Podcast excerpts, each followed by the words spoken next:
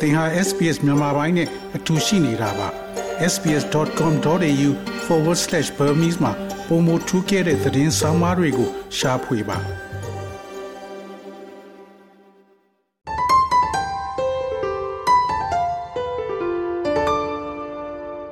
တော်ရရှိမြောင်ယနေ့နိုဝင်ဘာလ23ရက်တနင်္လာနေ့အတွက် SBS News Flash သတင်းထူးများကိုတင်ဆက်ပေးမှာဖြစ်ပါတယ်ကျွန်တော်က Terrell Ong ပါ ယနေ့အတွက် ထိတ်တန့်သတင်းများ ဝန်ကြီးချုပ်အန်သိုနီအယ်ဘနီစီတာဗလူးနဲ့သဘောတူညီချက်ကို လက်မှတ်ရေးထိုး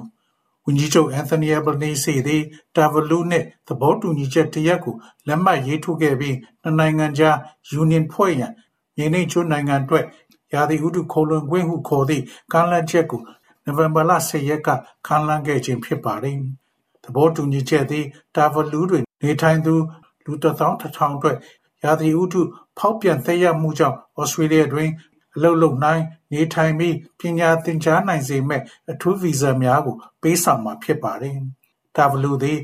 ရာသီဥတုဖောက်ပြန်မှုဒဏ်ကိုခံရမဲ့ပထမဆုံးနိုင်ငံတစ်ခုဟုယူဆရပြီးအမြင့်ဆုံးဒီအေသည်2050ခုနှစ်တွင်မြို့တော်ဖူနာဖူတီရဲ့ကုန်းမြေဧရိယာရဲ့90ရာခိုင်နှုန်းကိုပုံမှန်ရေလွှမ်းမိုးနိုင်ပြီး ယခုရာစုနှစ်အကုန်တွင် 90 ရာခိုင်နှုန်းထိရေလွှမ်းမိုးနိုင်ကြောင်း ခန့်မှန်းထားပါတယ်။ W ဝန်ကြီးချုပ်ကော်စီဟာနာတာနိုနဲ့ ပူးတွဲသတင်းစာရှင်းလင်းပွဲတွင် မစ္စတာအယ်ဘနီစီကဩစတြေးလျရဲ့ Pacific မဟာမိတ်အပေါ် သစ္စာခံကြောင်း ကတိပြုခဲ့ပါတယ်။ဝန်ကြီးချုပ်သည်ဖူနာဖူတီမြို့တော်ရဲ့ မြေထုကို ချက်ထွင်းရန် ကြိုးပမ်းသည့် တာဗလူကန်ယိုဒါလိုက်လုံးကြီးထွေဖြစ်မဲ့စီမံကိန်းကိုကူညီရန်ဒေါ်လာ16.9သန်းကိုလည်းကတိပြုခဲ့ပါတယ်။အကန့်အသတ်မရှိလူဝင်မှုကြီးကြပ်ရေးထိန်းသိမ်းစခန်းကလူများကိုလွှတ်ပေးလူ80ကိုရဲအကန့်အသတ်မရှိလူဝင်မှုကြီးကြပ်ရေးထိန်းသိမ်းရေးစခန်းမှချက်ချင်းပြန်လွှတ်ပေးရန်ဖက်ဒရယ်အစိုးရကပြောကြားထားပါတယ်။ရဲအကန့်အသတ်မရှိခြုံနှောင်ခြင်းသည် ဥပဒေနှင့်မညီဟု ပြီးခဲ့တဲ့ဗုဒ္ဓဟူးနေ့တွင်တရားရုံးချုပ်ကစီရင်ချက်ချပြီးနောက်ယခုကဲ့သို့ဆုံးဖြတ်ခဲ့ခြင်းဖြစ်ပါတယ်။ခိုလွန်ခွင့်မရရှိသူများသည်တခြားနိုင်ငံသို့ပြောင်းရွှေ့ခြင်းမပြုနိုင်သူများကိုရဲအကန့်အသတ်မရှိထိန်းသိမ်းစခန်းတွင်ထိန်းသိမ်းထားနိုင်တော့မည်မဟုတ်ကြောင်းတရားရုံးချုပ်တရားသူကြီးအများစုကဆုံးဖြတ်ချက်ချခဲ့ပါတယ်။ဒီအနှစ်20ရှိစီရင်ချက်ဥပဒေသည်မှားယွင်းစွာဆုံးဖြတ်ခဲ့ခြင်းဖြစ်တယ်လို့ ထိန်းသိမ်းခံထားရသော ရိုဟင်ဂျာအမျိုးသားတဦးကို ကိုယ်စားပြုတဲ့ရှေ့နေများက တင်ပြခဲ့ပြီးနောက် ယခုကဲ့သို့ ဆုံးဖြတ်ခဲ့ခြင်း ဖြစ်ပါတယ်။ Optus ပြတ်တောက်မှုများ စုံစမ်းစစ်ဆေးမည်။ဆက်တဲ့စုံစမ်းရေးကော်မရှင်သည် ယခုသတင်းပတ်တွင်တန်ပေါင်းများစွာသော သုံးဆွဲသူများသည် ဖုန်းနှင့် အင်တာနက်ကိုနိုင်ရီတော်ကြာ သုံးဆွဲနိုင်ခြင်းမရှိခဲ့သော Optus ပြတ်တောက်မှုကို စတင်ကြားနာခြင်းနဲ့အတူ စစ်ဆေးမှာ ဖြစ်ပါတယ်။ ပြီးခဲ့တဲ့အပတ်ကပါလီမန်သို့ရွှေ့ပြောင်းပြီးနောက်စုံစမ်းရေးကော်မရှင်ကိုဥက္ကဋ္ဌအဖြစ်ဆောင်ရွက်မယ့် Green Party ရဲ့အထက်လွှတ်တော်အမတ် Sarah Hanson-Young ကကုမ္ပဏီရဲ့ CEO Gary Beyer Rosmarin သည်ယခုသောကြာနေ့နိုဝင်ဘာလ18ရက်နေ့တွင်စုံစမ်းရေးကော်မရှင်ရှေ့မှောက်တွင်ကြားနာစစ်ဆေးခံရမယ်လို့ပြောကြားပါတယ်။ Optus သုံးစွဲသူများနဲ့လုပ်ငန်းပေါင်း10သန်းကျော်သည်ပြီးခဲ့တဲ့အပတ်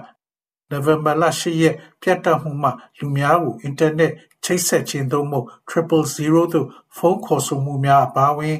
ဖုန်းခေါ်ဆိုမှု သို့မဟုတ် ဖုန်းလက်ခံခြင်း အပါအဝင် ပြတ်တောက်မှုကြောင့် လူ10သန်းကျော် ထိခိုက်ခဲ့ပါတယ်။ Hansen Young က အဆိုပါ စုံစမ်းစစ်ဆေးမှုသည် ပြတ်တောက်ရသည့် အကြောင်းရင်းနှင့် အနာဂတ်တွင် ပြတ်တောက်မှုများအားမည်သို့ကာကွယ်ရမည်အပြင် Optus ကထိုနေ့တွင် အစိုးရနှင့်ဖောက်သည်များကိုအဘဲကြောင့်မှောင်ထဲတွင်ထားရှိစေသည်ကို ရှာဖွေမှာဖြစ်ကြောင်းပြောဆိုသွားပါတယ်။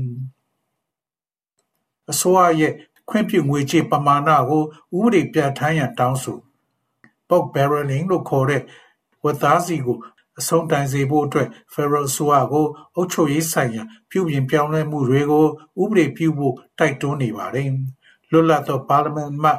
Helen Haines နဲ့ Liberal ပါလီမန်အမတ် Bridget Archer တို့သည် လူမှုအသိုင်းအဝိုင်းဆိုင်ရာ ထောက်ပံ့ကြေးများကိုနိုင်ငံရေးအရအသုံးပြုမှုအဆုံးသတ်စေရန်နိုဝင်ဘာလ23ရက်နေ့တွင် အောက်လွှတ်တော်သို့အဆိုပြုချက်တရပ်ကိုတင်သွင်းခဲ့ပါတယ်။ယခုနှစ်ဒုတိယမြောက်ပါလီမန်ရဲ့နောက်ဆုံးရက်သက်တပတ်ဖြစ်ပထမနေ့တွင်ခူယောင်းရဲ့ပါလီမန်အမတ်မိုနီရိုင်ယန်ရဲ့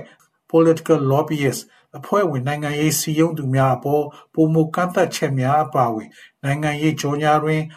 ဟုတ်မှန်စွာအမှန်တရားကိုလှုပ်ဆောင်ရန်တမာတိစောင့်သိမှုဥပဒေကြားများပြားကိုတတိပုဂ္ဂလ MP များကတင်သွင်းခဲ့ပါသည်။စေနာဝန်ထမ်းဥဆောင်သောအဖွဲ့အစည်းများအသေးစားစီးပွားရေးလုပ်ငန်းများနှင့်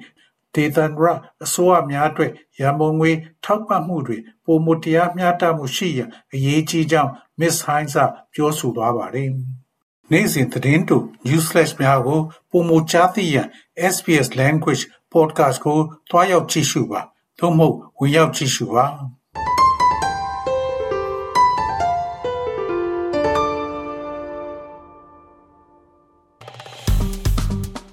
SBS မြန်မာပိုင်းကို Facebook ပေါ်မှာ like ရှာပြီး like မျှဝေမှတ်ချက်ပေးပါ